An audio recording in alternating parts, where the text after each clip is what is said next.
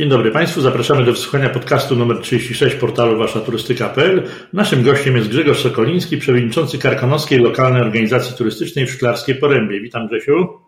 Dzień dobry, witam serdecznie. E, Grzegorz, jak minął sezon letni w Szklarskiej Porębie? Czy tak jak w innych miejscowościach, kurortach w Polsce, fantastycznie? Fantastycznie, rzeczywiście. To jest któryś z kolei e, rok, w którym e, notujemy cały czas przyrosty ilości odwiedzających oczywiście to są nasze odczucia, bo twardych danych, e, oprócz e, tych, które wykonaliśmy robiąc badania w 2000, za 2019 i 2020 z wykorzystaniem Big Data, właściwie nie ma. Czyli możemy powiedzieć, że w naszych odczuciach, odczuciach przedsiębiorców był to bardzo dobry sezon. To znaczy nie, nie potraficie powiedzieć, o ile więcej turystów było w tym roku niż w ubiegłych latach? A ja odwrócę pytanie, a kto w Polsce jest w stanie powiedzieć, ilu rzeczywiście było turystów? Na podstawie okay, jakich ale, danych? Ale może, może macie zgromadzonych w swojej lokalnej organizacji turystycznej iluś przedsiębiorców i oni potrafią te dane statystyczne na podstawie swoich lokali powiedzieć. E, nie, no to rzeczywiście, jeżeli mówimy o e, danych od e, przedsiębiorców, to to, co powiedziałem, takich twardych danych zbierających, mówiących o tym, że w każdym z obiektów jest przyrost 10-15%, y, nie ma. Y, jest tylko i wyłącznie stwierdzenie, że rzeczywiście był to bardzo dobry sezon i lepszy niż y, poprzedni. W sensie ilości ludzi i ilości pieniędzy, które zostawiali. Chociaż można powiedzieć, że taka tendencja, jaka była w zeszłym roku, zaczęła się już wcześniej rysować, że wydłużały się pobyty, a 2020 rok już był wyjątkowo pod tym względem, dlatego że e, bardzo dużo ludzi przyjechało na pobyty siedmiodniowe i czternastodniowe, coś co było wcześniej e, rzadkością. W tym roku ta tendencja nie była aż tak wyraźnie widoczna. Było mniej takich długich, bardzo długich pobytów, ale ich było e, rzeczywiście dużo. O ile jest możliwy w ogóle wzrost e, liczby turystów, skoro w szczycie sezonu letniego Szklarska Poręba ma niemal stuprocentowe obłożenie? Mówimy o, te, e, o, tym wzroście chociażby z tego powodu, że rok do roku przybywa do, u nas mm, bardzo duża ilość miejsc e, noclegowych. To są obiekty stawiane Nawet teraz przez... w pandemii? No, ależ oczywiście. Powiedziałbym, że pandemia nie stanowiła jakiejkolwiek e, zapory dla e, tej takiej żywiołowo rozbudowującej się bazy noclegowej. Mm, powiedziałbym, że ona nie jest tak do końca oczekiwana przez nas, bo to nie jest ten segment przede wszystkim, e, który mm, my jako mieszkańcy oczekiwalibyśmy, jako przedsiębiorcy, czy też końcowo też przez turystów, bo mówimy przede wszystkim o Y, tak zwanych apartamentowcach. To się później różnie nazywa, resorty, tam wille, to dwie, jak to jeszcze nazywają, ale na pewno nie są to obiekty y, hotelarskie w takim tradycyjnym tego y, rozumieniu. A przyrost jest rok do roku o kilkaset, a nawet kilka tysięcy miejsc. E, e, w zeszłym roku e, właściwie sezonu zimowego prawie nie było, bo on był o ponad połowę krótszy niż, e, niż przed pandemią. A pamiętam, że z Twoich badań wynika, że właśnie w tych gminach górskich w Polsce mm, no jednak 75% e, przychodów w turystyce to są miesiące zimowe. I mimo to wszyscy widzą sens inwestować nadal w bazę noclegową, która obłożona jest w 100% w ostatnich latach w tych miesiącach letnich, tak? Dlatego, że chyba dotykamy e, bardzo poważnego problemu, który się nazywa, że większość tych inwestorów to nie są inwestorzy z branży e, hotelarskiej. Tak?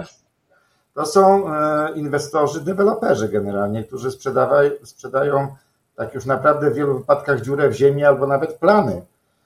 I myślę, że to jest pochodną także stóp procentowych. No, no wiele elementów się na to składa że ludzie mm, decydują się na zakup y, apartamentów w takich miejscowościach jak Szklarska, Karpat, Zakopane, Wisła, czy też y, nad morzem. Y, mm, ja czasami jestem w ogóle zdumiony, jak skądinąd ludzie, którzy gdzieś tam zarobili porządne pieniądze, czyli generalnie są, jak to młodzież mówi, kumaci, tak? bo nie kumaci raczej nie zarabiają tych pieniędzy. Jak czasami dają się nabrać na takie stwierdzenia, że jak tam 8% gwarantowanego mm, zysku od włożonego kapitału. Zwróćcie uwagę Państwo, o czym ja mówię. Od włożonego kapitału. Czyli nie mówimy o tym, czy obiekt będzie osiągał dochody, czy nie będzie. Włożyłeś bańkę i masz 8% od włożonego kapitału. Znacie takie interesy na świecie? Bo ja tak nie do końca jestem pewien, że jest to możliwe. To bank daje 0 albo 1,5%, a oni dają 8% i z gwarancją, że zawsze to będzie. Jak ci ludzie dają się na to złapać, ja nie wiem. Dla mnie jest to swoistego rodzaju fenomen. E, druga jakby rzecz z tym związana. Mm, ile jeszcze e, miejsc musi powstać, aby ci ludzie wreszcie uwierzyli, że nie jest możliwe, aby w e, nawet najfajniejszym kurorcie te kilkadziesiąt tysięcy miejsc zapewnić, zapełnić, tak? to, to nie jest możliwe. Mało tego, przecież nie są obiekty, które na dobrą sprawę, na Bóg miły, yy, prowadzą jakąś promocję, bo to w wielu wypadkach są rozproszone i znajduje się tylko i wyłącznie jakiś zarządca, tak, który zarządza tym w postaci, że no, ktoś musi tam sprzątnąć raz na jakiś czas, czas ten obiekt trzeba tam jakoś opacykować, no i ewentualnie są na iluś tam portalach B2B y, obecne do sprzedaży ale one nie prowadzą typowo działalności hotelarskiej, typowej działalności marketingowej. Więc jeżeli będzie u nas, nie wiem, 60 tysięcy miejsc noclegowych, to na Bóg miły, czy te 60 tysięcy miejsc noclegowych jesteśmy w stanie zapełnić? Przecież to jest między nimi, między tymi obiektami już jest konkurencja. I jeszcze w tej chwili jest jeden poważny problem, związane z mm, powstawaniem tych miejsc w apart, apartamentowcach czy e, luźno budowanych budynkach, takich, których są 3, 4, 5 apartamentów, to jest problem wyżywienia. I to jest już potężny problem. I to taki hasło marketingowe do nas.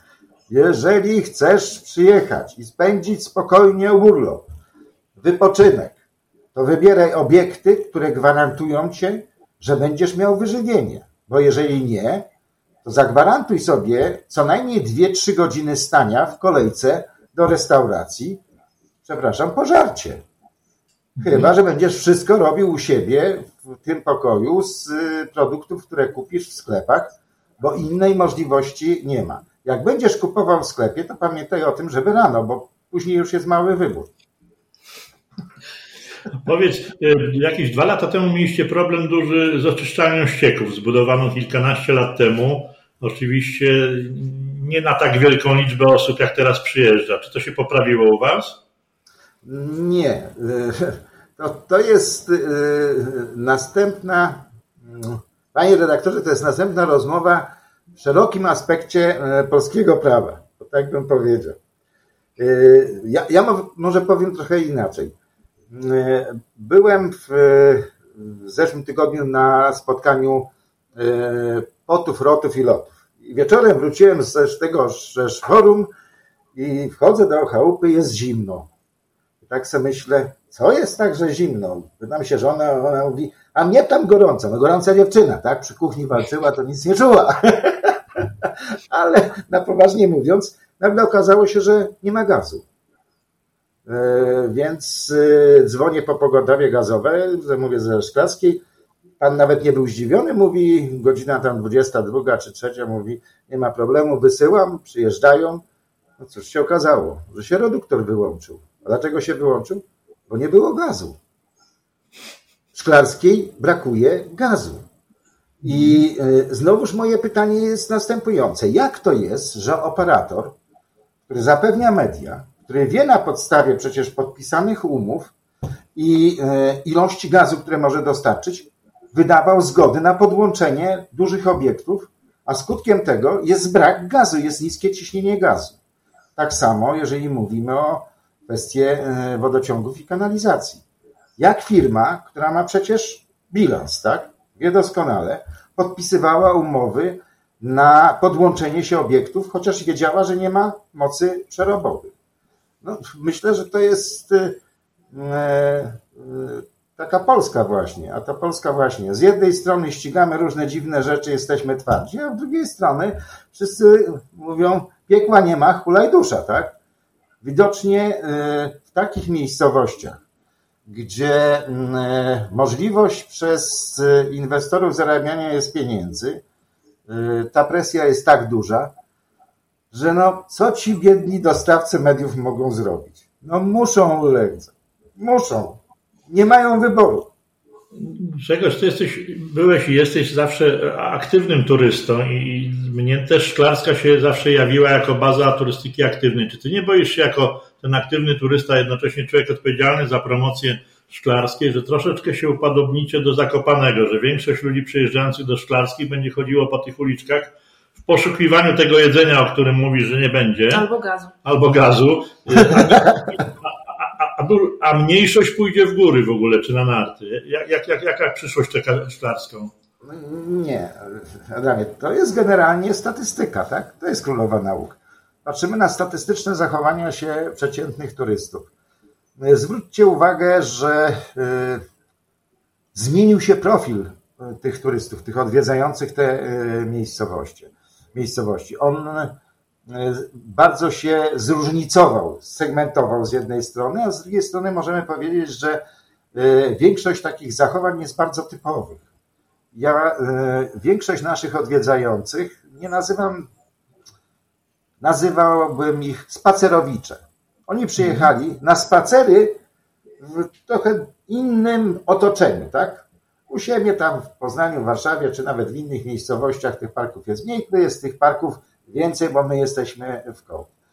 Oni nie mają już takich wielkich wymagań jak inny segment, czyli ten segment aktywnie wypoczywający. Czy to na rowerach, czy to biegając, czy to chodząc y, na takie trekkingi, ale na, rzeczywiście takie y, mocne i że im góry są do tego potrzebne. Ci w większości wypadków spacerowicze, oni mają po prostu inny park, większy park y, z fajnymi widoczkami, tak? Jeszcze miejsca, które oni muszą odwiedzić. Zachowania turystów, tych spacerowiczów są typowe. Jest ileś tam atrakcji, które oni chcą odwiedzić, tak? Pójdą tam w tym kierunku, y, w cudzysłowie, zaliczą je, dzień spędzony. Więc jeżeli będziemy mieli te atrakcje i plan dobrze ułożony, to Adamie, ty jako aktywny turysta w wielu wypadkach ich nawet nie spotkasz, bo ty będziesz przemieszczał się innymi szlakami całkowicie niż oni. I mało tego, w takiej miejscowości jak Szklarska Paręba, chyba jednej z nielicznych, ty nie będziesz nawet w wielu wypadkach odczuwał, że są aż tak duże ilości turystów. Dlaczego? Dlatego, że my jesteśmy bardzo rozłożyści. Tak? To jest 16 kilometrów. Jak będziesz mieszkał na Szklarskiej Porębie Średniej, to tych, którzy są tam na Marysinie, tak, i na tej ulicy się szwarcują w tą i z powrotem, to ty ich w ogóle nawet nie zobaczysz. Bo ty wyjdziesz w góry, albo w Karkonosze, albo w góry izerskie, bo to też jest nasza przewaga, że jesteśmy pośrodku dwóch pasm górskich i e, tych ludzi nie spotkasz. Jak to mówi mój znajomy, że jak jest na Polanie Jakuszyckiej, nawet zimą, kiedy wiadomo, że to jest mekka narciarstwa biegowego, że na tej Polanie Jakuszyckiej jest tłum wielki, ale tak po kilometrze, jak pójdziesz oczywiście, nie marszałkowską w Górach Izerskich, czyli w kierunku na Orlej, chatkę górzystów, tylko pójdziesz inną trasą, to po kilometrze właściwie nikogo już nie spotkasz. To są potężne roz... góry, w którym nie ma e, miejsc, które generują ruch turystyczny, bo nie ma w ogóle zabudowań. W związku z tym na tej ilości szlaków turystycznych ta grupa która nazywa się turystą aktywnym, turystyka aktywna, znajdzie dla siebie takie miejsce, w którym nie będzie e, się spotykała z tą grupą spacerowiczów, którzy to, tam chcą kamieńczyk, szklarkę i tudzież chyba, że, chyba, że w kolejce, chyba, że w kolejce do restauracji tej trzy godziny się spotkamy. Ale to, proszę pana, to schodzimy do miasta, tak? To już nie, to też jest turystyka aktywna, tak? Aktywnie stoimy czekając na obiad. To może zamknijcie wszystkie restauracje szklarskie, wszyscy będą chodzić do schronisk i wszyscy będą aktywni. No, obawiam się, że schroniska nie mają takiej mocy przerobowej, a z drugiej strony musimy dbać o zdrowie naszych klientów, bo część z nich jest niedostosowana do warunków wysokogórskich. Ale e, czy w takim razie nie powinien nastąpić jakiś boom gastronomiczny w Szklarskiej, skoro to jest taki złoty interes? Teoretycznie tak, y, ale proszę pamiętać o tym, że y, tak jak y, resort, czy splecione komiczynki, czy jakaś tam inna cudowna nazwa, może powstać nawet na uboczu. Tak w wielu wypadkach nawet tak jest oczekiwane. Tak stawianie interesu gastronomicznego w bocznej uliczce 3 km od ruchu jest raczej wątpliwe. Problem jest taki, że w wszystkich takich miejscowościach jak Szklarska Poręba, tych y, resortach górskich, y, te miejsca najbardziej predysponowane pod gastronomię, ich już praktycznie nie ma. Tak? Więc y, ciężko budować. Znowuż rozbudowa w starych obiektach w wielu wypadkach jest po prostu niemożliwa. Więc oczywiście, że powstają. Ja obserwuję taką budkę z kebabem, która powstała na mojej, przy mojej ulicy. Przy tej ulicy w ostatnich 3-4 e, latach wybudowało się, niech tak policzę, ale tak na moje oko co najmniej 2,5 tysiąca miejsc noclegowych. Przy jednej ulicy. E, mhm. Tylko w jednym obiekcie, czy tam w dwóch, jest e, gastronomia. To jak myślicie? Ten kebab, budka z kebabem to ma obłożenie od rana do nocy. Praktycznie. powinna, mieć, powinna mieć już kilka pięter. Tak, tylko że no nie ma gdzie, bo tam jest miejsce pod budkę, tylko i wyłącznie. Więc tak to wygląda. Przejdźmy do, do bardzo tak? optymistycznego tematu, mam nadzieję. Jak przygotowuje się Szklarska do zimy? Ceny, ceny bardzo wzrosły w porównaniu z zeszłym rokiem? E, na dzień dzisiejszy jeszcze nie mamy takich sygnałów. Tyle tylko, że e, muszę powiedzieć, że chyba to będzie nieuniknione. E, jeżeli chodzi o kwestie wyciągowe, to od wielu, wielu lat u nas nasz e, główny operator, czyli Sudety Lift, podnosił zawsze ceny tylko o stopień inflacji. No w tym roku będziemy mieli więcej, tak? No bo mhm. jeżeli stopień inflacji jest taki, jaki jest, no to mamy i wyższe ceny. Ale to jest tylko i wyłącznie o stopień inflacji. Jeżeli chodzi o pozostałe e, obiekty, jeżeli mówimy o obiektach noclegowych i gastronomicznych, to jest nieuniknione to jest nieuniknione z prostego powodu. E, podam Państwu taki jeden przykład. E, chyba w piątek rozmawiałem z kolegą, który przyszedł do mnie i taki zmartwiony mówi, słuchaj, no jak dostałem rachunek za gaz, to mało z wrażenia nie padłem. Tak? Mówi, e, miałem podpisaną wcześniej umowę inaczej, teraz podpisaną mam inaczej, jakby średnia z cen rynkowych gazu. Mówi, wcześniej miałem 7 e, groszy za kilowatogodzinę, bo to jakoś tam ten gaz też jest tak przeraczony, a teraz dostałem 32 grosze za kilowatogodzinę. Hmm. Więc jeżeli e, średniej wielkości pensjonat, to nieduży, tak? Tam 50 czy 60 miejsc, dostaje za październik rachunek za gaz 8 tysięcy złotych, no to już zaczyna być, e, że tak powiem, przekładające się na e, cenę pobytową. Z drugiej strony on sam mówi, no przecież ja wiem, że ja nie mogę podnosić nieskończenie cen. Tak? A wszystkie składniki zaczynają się składać, bo i pensje pracowników e, wie, że jego przewagą jest to, że on ma gastronomię, ale żeby tych pracowników utrzymać, no ta presja płacowa jest też coraz większa. Wiecie sami, jak to wygląda przecież. Także myślę, że te ceny y, pójdą do góry. Zresztą one muszą pójść do góry, bo nikt nie jest w stanie na tych składnikach kosztowych, które w tej chwili są, y, wygenerować jakikolwiek y, dochód. A jeszcze I... Polski Nowy Ład nie wszedł. No, ja nie, nie będę się na ten temat wypowiadał, bo musiałbym brzydko mówić. A, Chyba nie wypada. Jeśli chodzi o rezerwacje, jakie masz sygnały? Ludzie odwołują rezerwacje, boją się lockdownu, czy nie? Nie, to jest odwrotnie. To ludzie generalnie nie rezerwują, bo wszyscy wiedzą, że jakoś zawsze można było w ostatniej chwili. Chociaż muszę y, powiedzieć, tutaj jest taki apel właśnie do turystów, nie róbcie tego. Y, z prostego powodu, bo później, jak się wszyscy rzucą, to mhm. skutek jest taki, y, że pomimo tego, że mamy tak dużą ilość miejsc noclegowych, to oczywiście one nie są zapełnione w 100%, bo zawsze gdzieś się znajdą jakieś luki. I później jest tak, że jest godzina 22, ktoś puka do moich drzwi i pyta się, czy ja mam miejsce jakiekolwiek. Ja mówię, no nie mam, no nie, w ogóle nie prowadzę. Ale wie pan, na strychu, bo już jest tak późno, czy gdzieś. To są autentyczne sytuacje. Dlaczego? Dlatego, że wielu, jest, wiele osób jest przekonanych, że jak przyjedzie do takiej miejscowości, w której wiedzą, że jest tyle miejsc noclegowych, to zawsze jest coś znajdzie. Tak nie, nie do końca jest. Więc w tych najbardziej takich obłożonych sezonach, to przestrzegam do tego. Jak planujecie Państwo, że macie przyjechać, nie wiem, na okres świąteczno-sylwestrowy, tak? To w życiu nie ryzykujcie tego, że przyjedziecie w ciemno, albo będziecie rezerwowali na 2-3 dni przed tym, bo wtedy już się nie da. A jakie są nastroje w, w, branży turystycznej u Was? Dlatego, że no, to miał być ten wreszcie ta zima bez, bez lockdownów, ale sytuacja epidemiczna jest jaka jest. E, przed chwilą Austriacy, którzy od kilku tygodni zapewniali, że żadnego lockdownu dla osób zaszczepionych nie będzie się zamknęli. E, Niemcy, którzy zapowiadali, że wszystko w tym roku będzie działało w niektórych landach już odwołali jarmarki e, bożonarodzeniowe. E, jak wy się zapatrujecie na to, jak się rozwinie sytuacja i jak się przygotowujecie do tego?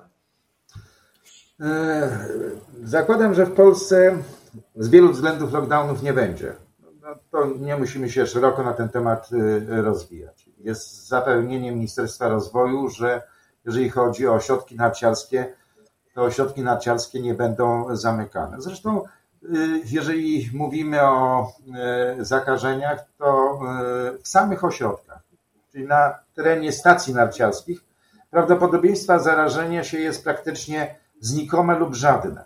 No bo to wynika z różnego rodzaju badań i z praktyki. Oczywiście odwołujemy się do czegoś innego, to co się poprzednio stało w Austrii. Te zakażenia nie były na ośrodkach narciarskich, tylko poprzez e, bytność w obiektach na afterski, tak? Czyli tylko wielka zabawa w knajpach i tak dalej. U nas jak będzie jeździło tysiąc osób na stoku narciarskim, prawdopodobieństwo zarażenia jest małe, ale jak te tysiąc osób spotka się w knajpie góralskiej, to prawdopodobieństwo jest prawie stoprocentowe, no jakbyśmy na to nie spojrzeli. Więc chodzi o zachowania się ludzi y, po tym. Y, dla znowuż y, mieszkańców miejscowości, które mogą dojechać bez noclegu, tak? Ta forma wypoczynku i regeneracji jest bardzo ważna, więc zakładam, że sama stacja narciarska nie będzie zamknięta. Nie będzie tak jak w zeszłym roku, gdzie dla małych stacji narciarskich to słuchajcie, to, to był dramat, tak?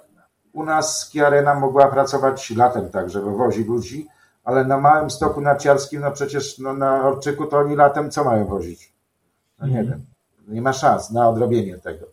Jest, jeżeli chodzi o y, jakby tą zimę, więc zakładając, że tego lockdownu nie będzie, y, że nie będzie takich y, obostrzeń, te obiekty, które będą przygotowane, czyli będą przestrzegały reżimów sanitarnych, bo widzę, że do nas przyjeżdżają ludzie po części no i mający jakąś tam świadomość, że e, trzeba się szczepić, że trzeba przestrzegać jakichś tam minimalnych norm. Oczywiście jak już są na miejscu, to wiecie Państwo, to, to, to, jest, to jest luz, tak? to nieprzestrzeganie kwestii tych maseczek i tak dalej, ale mimo wszystko to mam wrażenie, że ono jest trochę większe, to przestrzeganie niż powiedziałbym na przykład na wschodzie kraju, tak?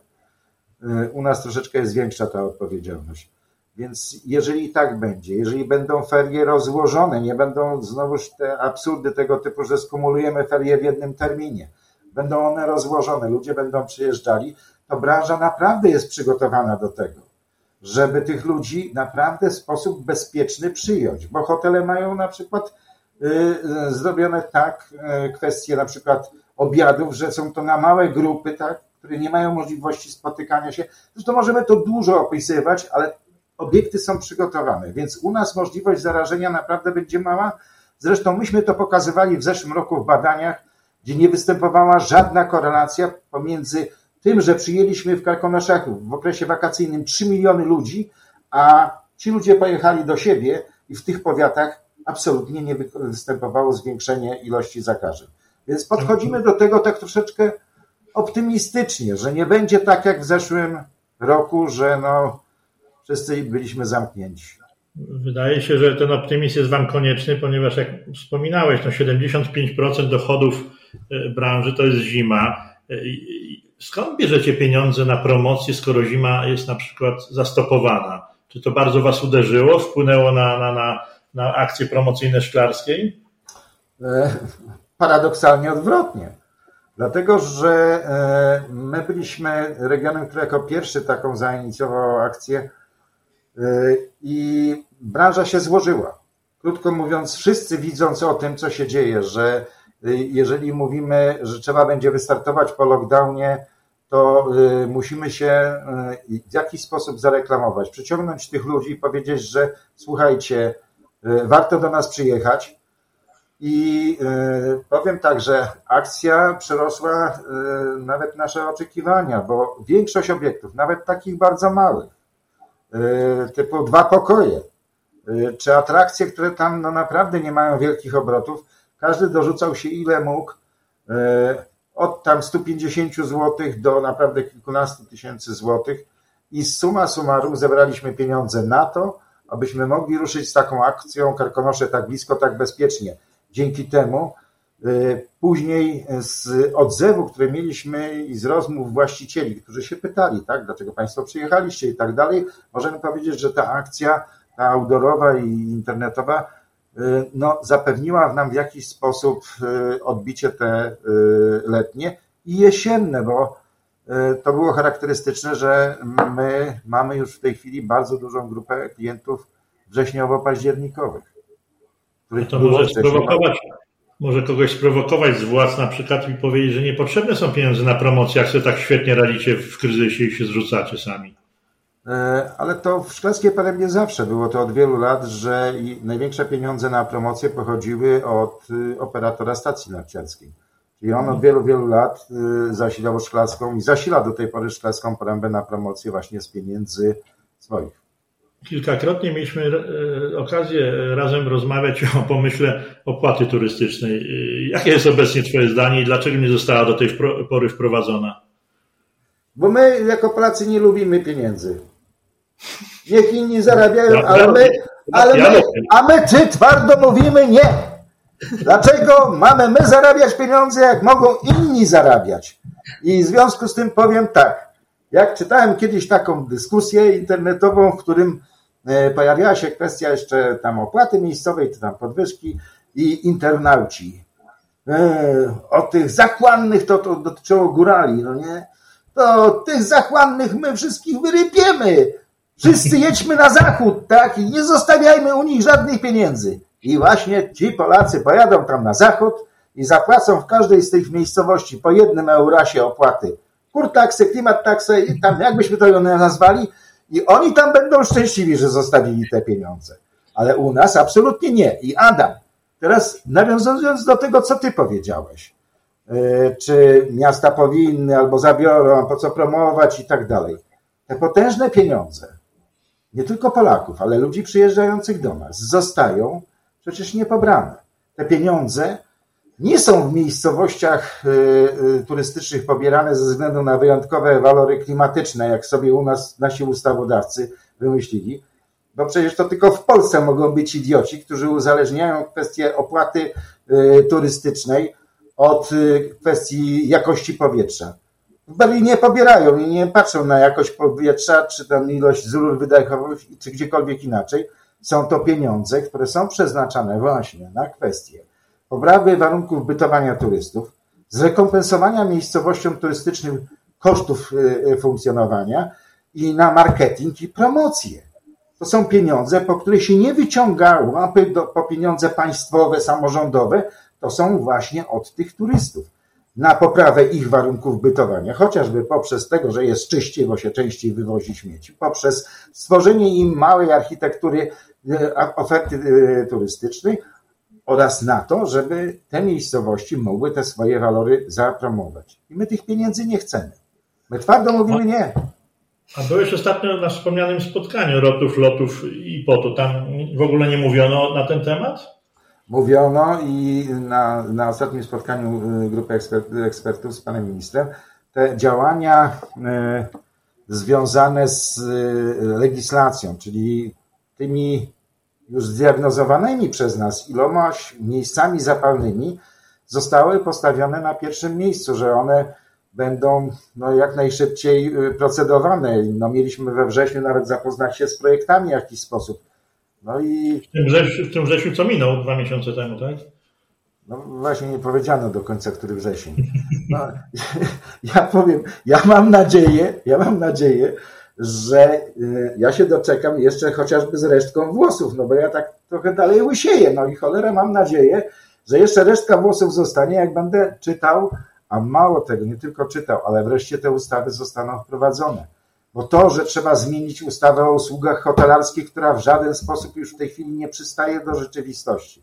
To, że trzeba wreszcie powiedzieć sobie o najmie krótkotrwałym. To coś, co ten najm krótkotrwały, który jest potężną E, nieuczciwą konkurencją dla wszystkich e, przedsiębiorców, ale także dla turystów.